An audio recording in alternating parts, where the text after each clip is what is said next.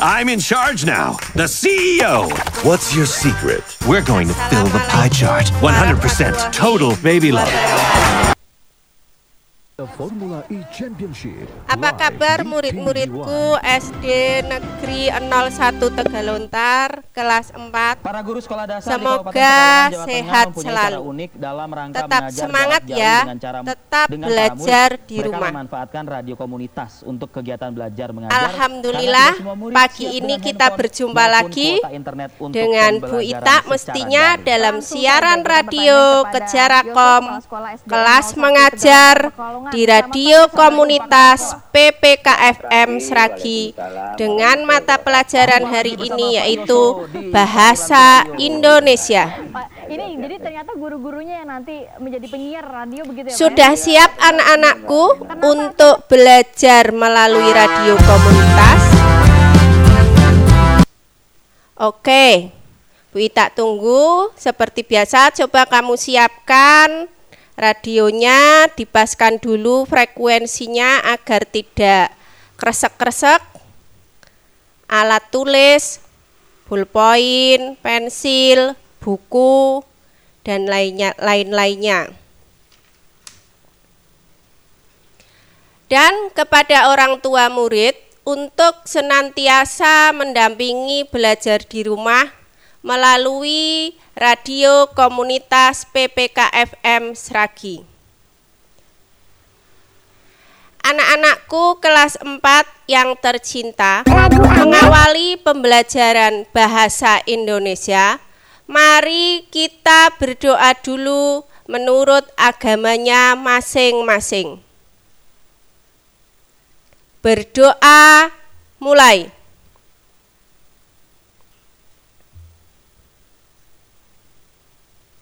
Berdoa selesai. Anak-anakku, untuk hari ini mari kita lanjut ke tema 2. Selalu berhemat energi. Sub tema 2. Manfaat energi. Pembelajaran. Berapa tadi? Ka- Kalian sudah tak suruh pembelajaran satu, pembelajaran tiga, pembelajaran empat, dan pembelajaran enam.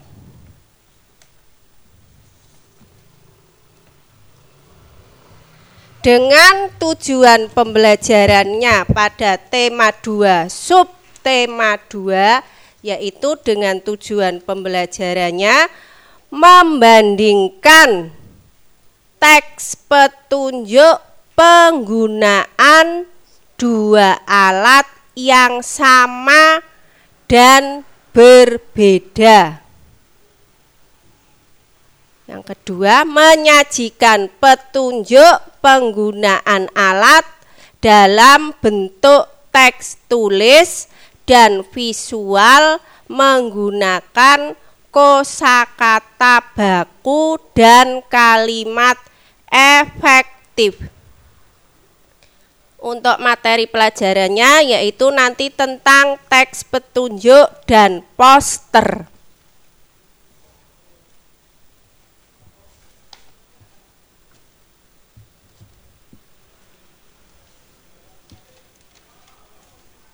Nah, dalam materi pembelajaran 1 kalian buka halaman 32 yaitu tentang teks petunjuk. Sebelumnya misal Wita mau kasih contoh. Kalian dari Bapak Ibu guru misalnya ada contoh membuat keterampilan pelajaran SPDP. Tolong buat keterampilan di rumah membuat kipas. Nah, agar bisa membuat kipas, maka si kalian nanti pasti ada dari Bapak Ibu guru mendapat arahan, mendapat petunjuk cara. Nah, apa itu yang dimaksud dengan teks petunjuk? Ada yang bisa bantu jawab? Teks petunjuk itu apa? Teks petunjuk itu adalah ada yang berani jawab, bantu jawab seperti kemarin kalau ada yang berani jawab silakan bisa langsung telepon ke nomor Bu Ita. Ada yang berani ndak? Kalau ada yang berani bantu jawab apa itu teks petunjuk?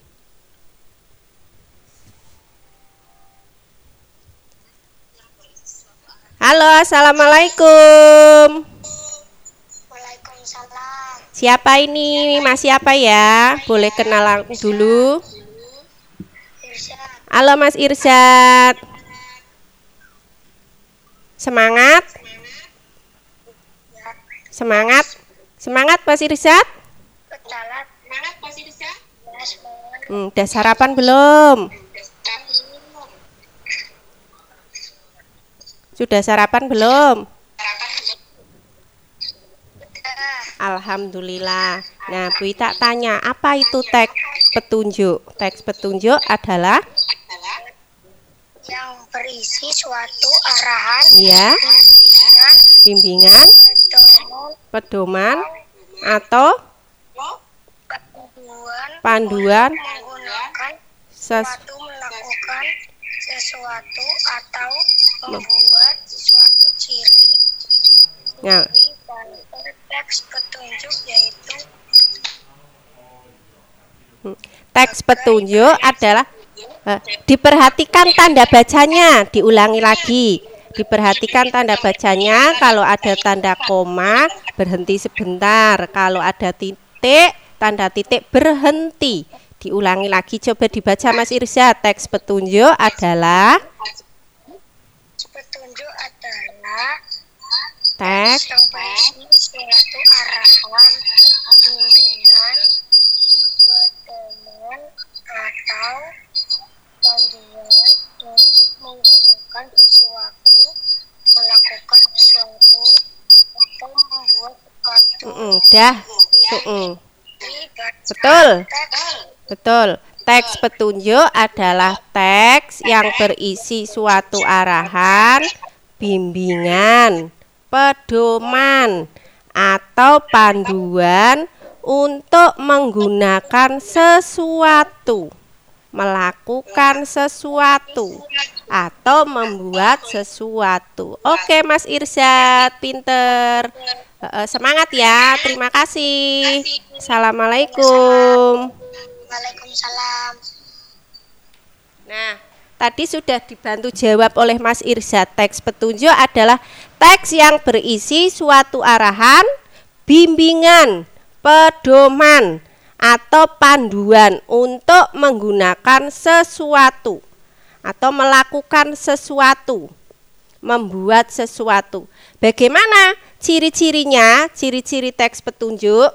Ciri-cirinya satu itu harus jelas. Misal mau membuat apa petunjuknya, caranya itu harus jelas. Yang kedua, sistematis atau tersusun secara urut. Yang ketiga, komunikatif, mudah dipahami. Yang keempat, lugas dan efektif.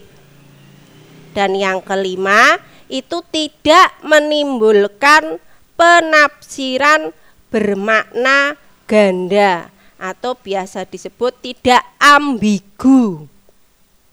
Tadi Miss sudah tak kasih contoh, misal ada tugas dari sekolahan, kalian har disuruh membuat contohnya kipas dari kain atau kipas dari kertas origami barang-barang bekas.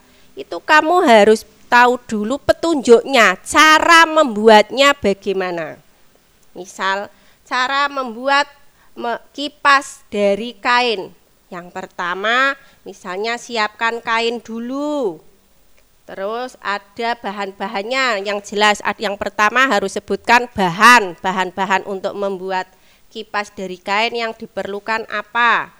Bahan dan alat. Yang kedua nanti ada cara membuat. Atau misal kamu cara membuat petunjuk mau masak mie goreng atau nasi goreng, kamu harus tahu bahan-bahannya dan cara membuatnya, petunjuknya. Nah, dengan adanya teks petunjuk, nanti kamu akan lebih mudah untuk melakukan sesuatu yang belum kamu ketahui.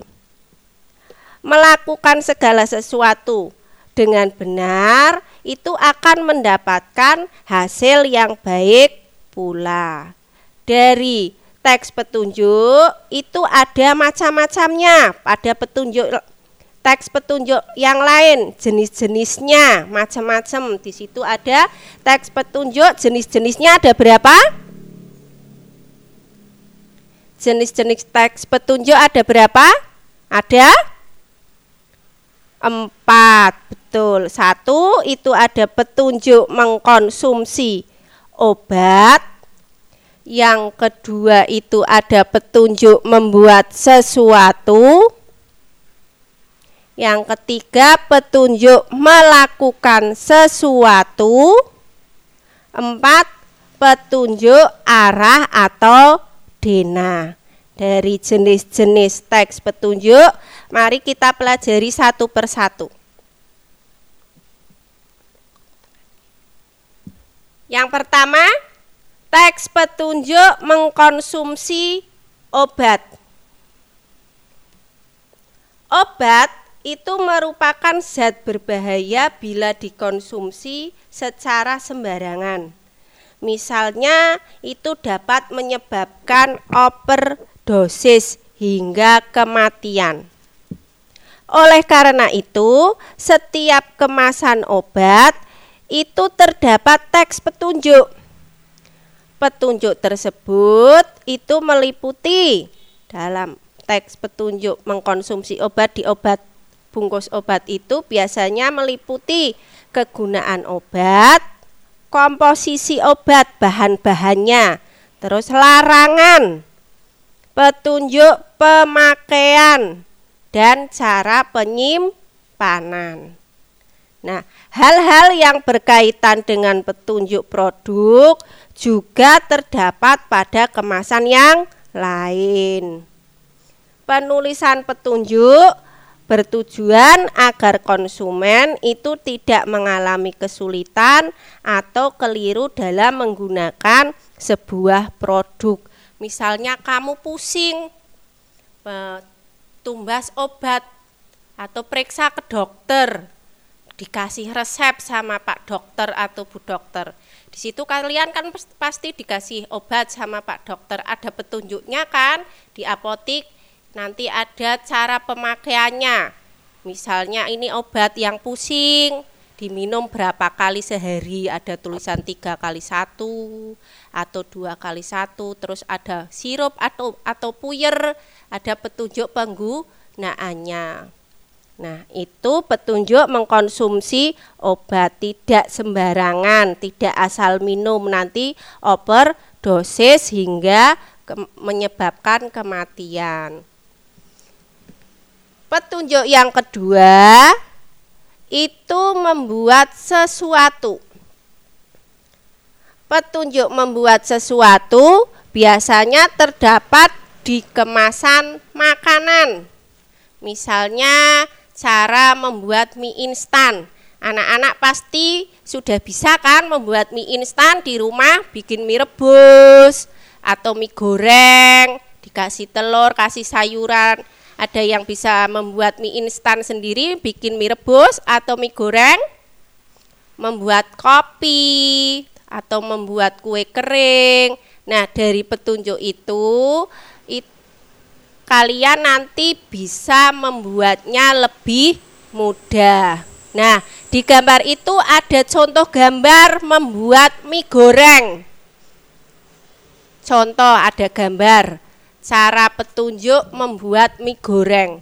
Gambar yang pertama itu rebus mie dalam air mendidih selama 3 menit sambil diaduk. Kemudian ditiriskan. Langkah yang kedua, kamu masukkan bumbunya. Bumbu minyak dimasuk ke terus minyak bumbu, kecap, dan sausnya ke dalam piring. Yang ketiga, campurkan mie yang sudah ditiriskan dengan bumbu di piring dan diaduk hingga merata. Itu gambar yang ketiga dan yang terakhir, taburkan bawang goreng. Mie lezat siap disaji. Hmm, enak ndak? Pagi-pagi tadi siapa yang sarapannya pakai mie goreng? Enak ya pakai mie goreng sedep ya mie gorengnya. Ada petunjuk teks petunjuk yang ketiga jenisnya yaitu petunjuk melakukan sesuatu. Petunjuk melakukan sesuatu itu biasanya di majalah, ada di majalah yang sering disebut dengan tips. Berbeda dengan petunjuk pembuatan atau petunjuk melakukan sesuatu tidak menghasilkan barang atau benda baru. Nah, petunjuk melakukan sesuatu itu hanya memberikan arahan untuk melakukan suatu kegiatan. Contohnya, itu seperti memperbaiki televisi atau menggunakan setrika.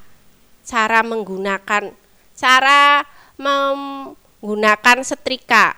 Caranya bagaimana? Pertama, opo langsung dipakai atau di apa masukkan dulu kabelnya ke stop kontak, atur panasnya, ukuran panasnya biar tidak kepanasan, untuk nyetrika pakaiannya biar tidak terbakar atau cara pemakaian memperbaiki TV. Nah, tujuannya itu petunjuk melakukan sesuatu itu tujuannya agar pembaca dapat melakukan sesuatu dengan benar dan terhindar dari bahaya. Jenis yang keempat yaitu petunjuk arah atau denah. Petunjuk arah atau denah itu biasanya terdapat di lampiran acara atau undangan pernikahan. Misal kamu dapat undangan, orang tua dapat undangan hitanan atau pernikahan, di halaman belakangnya pasti ada gambar denah rumah atau denah lokasi yang punya hajatan. Misal tidak tahu bisa menggunakan denah tersebut. Tujuannya itu agar pembacanya tidak tersesat saat datang ke tempat tujuan.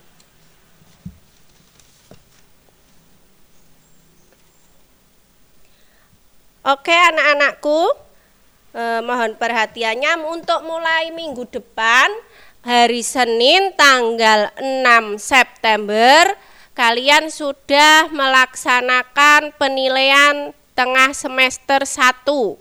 Mohon anak-anak di rumah untuk selalu rajin belajar, dipipil dulu untuk materinya dari tema 1 subtema 1, 2, 3 dan tema 2, subtema 1 dan subtema 2. Jadi masih ada sisa waktu besok hari Kamis, Jumat, Sabtu di Pipil Sinau. Hari Senin kalian sudah penilaian tengah semester 1 materinya tema 1 dan tema 2. Tema satunya dari subtema 1, subtema 2, subtema 3.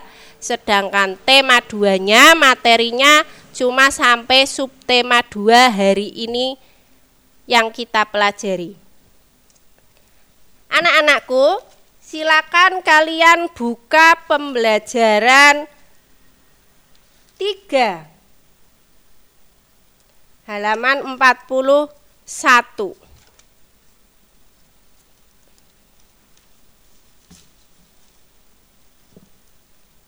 Di situ nanti ada petunjuk keselamatan kerja dengan peralatan listrik.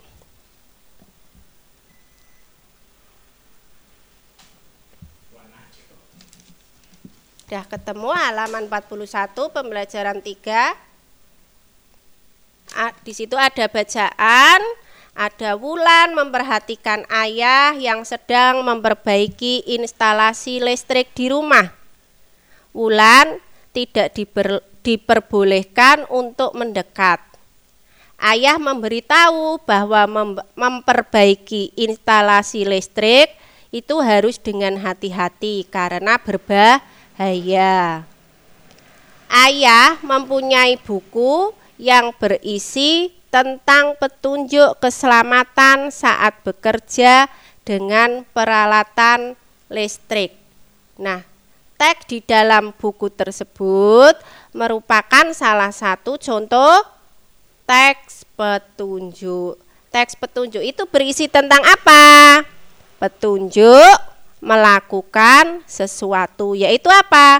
Petunjuk keselamatan saat bekerja dengan peralatan listrik.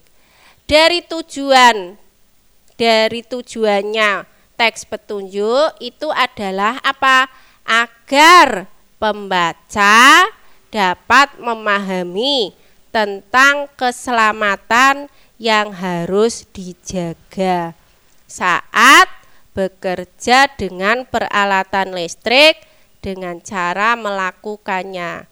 Nah, dari itu ada teks bacaan petunjuk keselamatan kerja dengan peralatan listrik, ada beberapa contoh yang lain, contoh petunjuk keselamatan kerja dengan peralatan listrik contohnya. Satu, menggunakan alat pelindung diri yang sesuai saat bekerja dengan instalasi listrik, yaitu contohnya menggunakan sepatu boot dari bahan karet atau isolator yang tidak dapat menghantarkan panas dan tidak diperkenankan dengan bertelanjang kaki. Kakinya harus menggunakan alas kaki, pakai sepatu boot tadi atau pakai sandal. Tidak boleh ngklepek. Yang kedua, itu contoh petunjuk keselamatan yang kedua pada waktu kerja menggunakan peralatan listrik, memastikan tangan atau kaki tidak dalam kondisi basah saat bekerja yang berhubungan dengan instalasi listrik. Misal kamu habis cuci tangan, tangannya masih basah, kakinya masih basah, jangan langsung apa itu? Misal nyolok ke, nyeplos ke stop kontak, mau nonton TV, tangannya diusahakan harus kering dulu. Betul-betul kering, khawatirnya nanti bisa ke setrum, iya. Yang ketiga, memeriksa kondisi kabel listrik. Bila ditemukan kabel listrik yang terkelupas, maka harus segera diperbaiki dengan cara membungkus kabel tersebut dengan bahan isolator.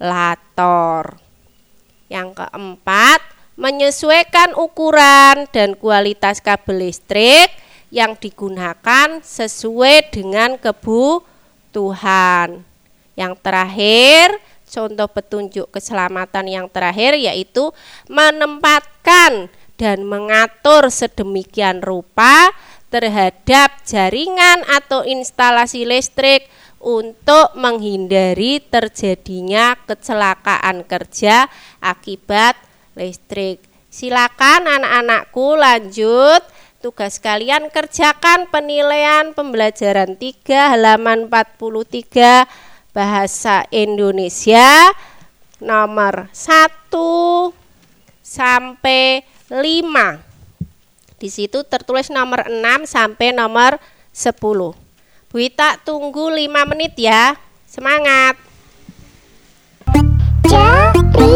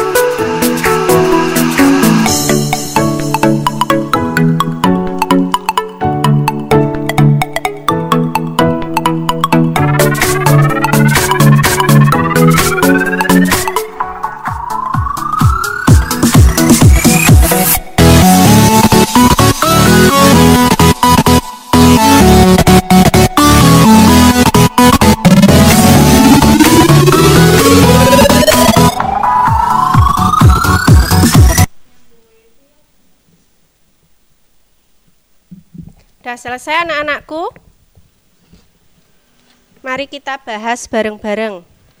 Nomor satu. Teks petunjuk tadi berguna untuk A. Memberi kemudahan untuk melakukan sesuatu yang belum diketahui. B. Memberi kemudahan untuk melakukan sesuatu yang sudah diketahui. C. Memberi kemudahan untuk melakukan suatu hal yang sering dilakukan. D. Mempersulit untuk melakukan suatu hal. Jawabannya yaitu A. Memberi kemudahan untuk melakukan sesuatu yang belum diketahui. Nomor 7 dan 8, di situ kalian coba perhatikan teks petunjuk menggunakan apa? Vakum cleaner. Di situ ada satu pada petunjuk masukkan kabel vakum cleaner pada listrik di tempatmu. Dua, kemudian tekan tombol on pada tombol power yang berada di atas pegangan tangan vakum cleaner. Tiga, dapatkan vakum cleaner pada karpet dan kursi yang menurutmu berdebu. Empat, debu akan masuk ke dalam vakum cleaner sehingga karpet dan kursi menjadi bersih dan nyaman. Yang kelima, tekan tombol off apabila sudah selesai membersihkan. Pertanyaan untuk nomor 7, nomor 2. Teks petunjuk tersebut merupakan teks petunjuk tentang A. Membersihkan vakum cleaner B. Menggunakan vakum cleaner C. Memperbaiki kerusakan vakum cleaner D. Merangkai mesin vakum cleaner Jawabannya yaitu B. Menggunakan vakum cleaner. 3. Berdasarkan teks petunjuk tersebut, vakum cleaner itu dapat digunakan apabila apa? Untuk membersihkan debu atau pada karpet yang kotor atau kursi. 8. Di situ ada teknik petunjuk urutannya masih acak, kalian disuruh mengurutkan dulu yang betul bagaimana urutannya. Ada matikan kipas setelah selesai digunakan.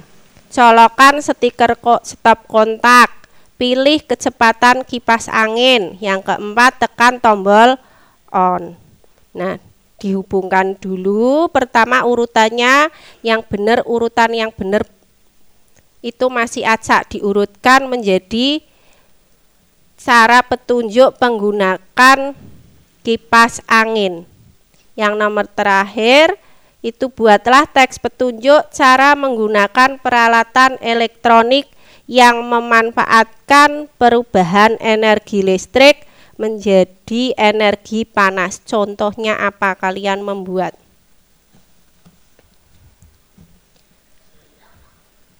Anak-anakku lanjut ke pembelajaran 4. Pembelajaran 4 yaitu tentang poster. Sebelumnya tadi pada pembelajaran 1 dan 3 kalian sudah mengenal teks petunjuk. Nah, dari teks petunjuk itu kalian nanti dapat disajikan dalam bentuk poster. Tadi sudah dijelaskan pada awal pembelajaran 1 dan pembelajaran 3 itu teks petunjuk. Dari teks petunjuk itu nanti dapat kalian sajikan dalam bentuk poster.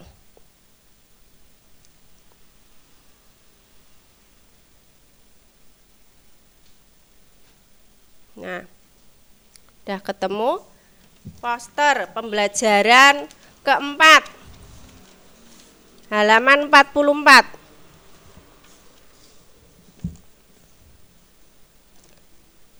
Mungkin kalian sering melihat gambar yang dilengkapi dengan kata-kata pada kertas yang berukuran besar dan ditempelkan atau dipajang di tempat-tempat ramai. Contohnya kalian pasti pernah melihat gambar kertas berukuran besar itu ditempel-tempel di tempat keramaian seperti alun-alun, pasar atau mall. Nah, mungkin kita melihat itu merupakan salah satu contoh jenis poster. Nah, sebenarnya poster itu apa anak-anak? Apa itu poster? Tujuannya dibuat poster itu apa? Poster adalah suatu desain grafis Tapi yang memang kamu kerja di situ kan, itu terdapat Yang gambar pencet-pencet. dan kata-kata pada kertas yang berukuran besar. Isinya yaitu memuat tentang informasi dan ditempel di tempat umum agar dapat dilihat atau dibaca banyak orang.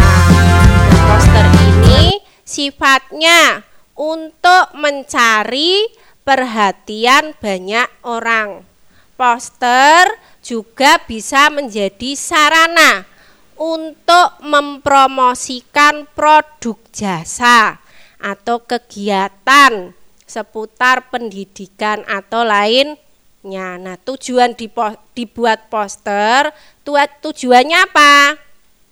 Poster itu dibuat bertujuan untuk memberikan informasi atau mengajak, menghimbau banyak orang untuk melakukan sesuatu seperti apa yang digambar atau yang dituliskan pada poster tersebut. Himbauan, ajakan. Nah, tujuan pada poster itu harus disampaikan kepada orang banyak. Dapat kita temukan poster itu ditempel-tempel di tempat umum atau tempat-tempat tertentu supaya diketahui oleh orang banyak. Ciri-cirinya bagaimana? Ciri-ciri poster.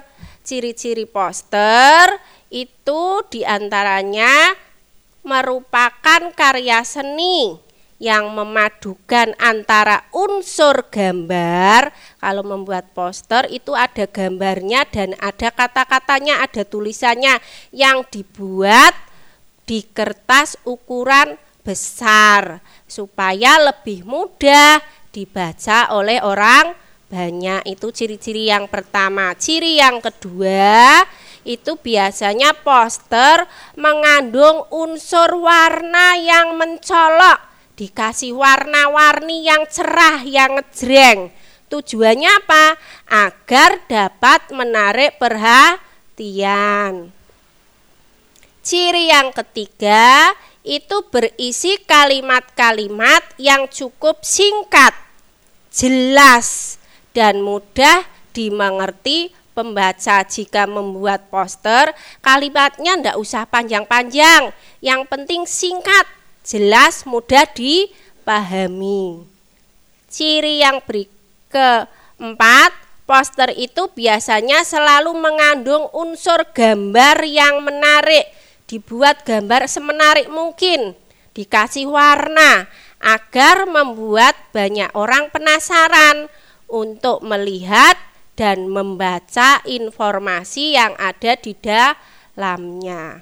Nah, biasanya poster itu dipasang di tempat yang strategis supaya dapat diketahui orang banyak. Nah, syarat-syaratnya apa? Syarat-syarat poster itu satu, bahasa atau kalimat yang digunakan harus mudah dipahami oleh orang banyak, harus jelas tadi harus jelas, singkat, padat, mudah dipahami. Yang kedua, mengkombinasikan antara gambar yang menarik dengan tulisan antara gambar dan tulisan itu dibuat sebagus mungkin agar orang itu tertarik penasaran itu ada gambar apa ada poster apa tarik biar nanti membaca yang ketiga dibuat semenarik mungkin agar menarik perhatian orang banyak nah poster itu berdasarkan isinya ada macam-macam berdasarkan isinya dibedakan menjadi berapa jenis. Satu ada poster layanan masyarakat, dua poster niaga, tiga poster kegiatan, empat ada poster karya seni, yang keempat ada poster pendidikan. Nah, bagaimana cara membuat poster? Langkah-langkahnya, langkah yang pertama di situ kalian satu. Poster itu sebaiknya berwarna cerah.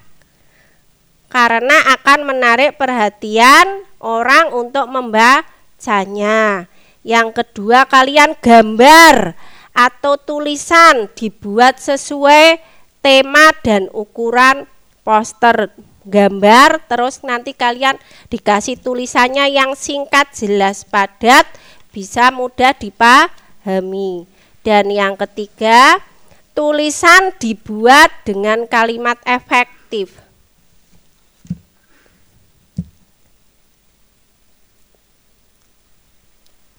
Nah, ada poster berdasarkan tujuannya. Poster berdasarkan tujuannya itu ada jenis-jenisnya. Jenis yang pertama itu ada poster propaganda, yang kedua ada poster kampanye, ketiga ada poster afirmasi, keempat ada poster dicari, kelima itu ada poster film, keenam ada poster komik, Nah, alat-alatnya nanti untuk membuat poster kamu bisa macam-macam. Di situ sudah ada gambar contoh poster mari menghemat air bersih.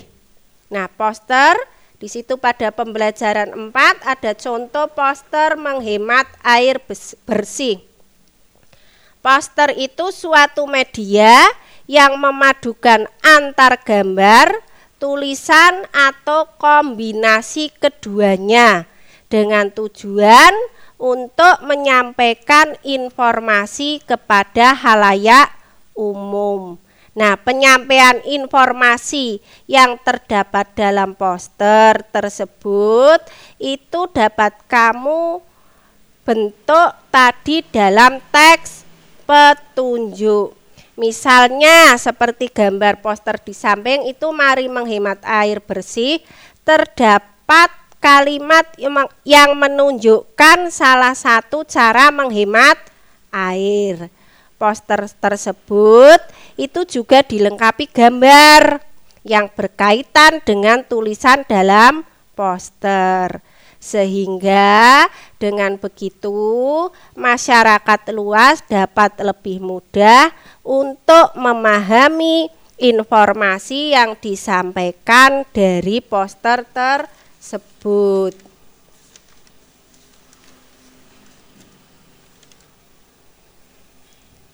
Nah, tugas kalian untuk di rumah evaluasinya Coba kalian gambar poster di buku gambar saja, ndak usah besar-besar di buku tugas gambar kalian. Kalian nanti tugasnya membuat poster dengan tema menghemat energi selalu berhemat energi gambar satu nanti dibuat gambar dikasih tulisan diwarnai secantik mungkin warna-warnanya yang cerah di buku gambar dikumpulkan hari Sabtu. Nah, pada pembelajaran yang terakhir di situ ada contoh poster juga cara menghemat energi listrik. Di situ ada gambar cara menghemat energi listrik Di antaranya ada gambar pohon, di situ ada buat mencabut kabel listrik, menanam pohon, ada tulis-tulisannya agar kal si poster itu mudah dipahami.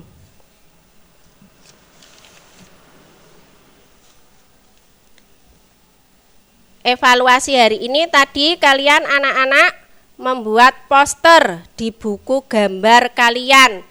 Di gambar yang bagus, diwarnai, nanti dikumpulkan hari Sabtu. Demikian anak-anakku, pembelajaran bahasa Indonesia. Jangan lupa dicatat dan ajak teman-teman kalian yang belum mendengarkan Kejarakom kelas mengajar di radio komunitas tetap terus belajar di rumah. Terima kasih kepada orang tua yang sudah mendampingi sampai bertemu kembali di Kejarakom berikutnya. Wassalamualaikum warahmatullahi wabarakatuh.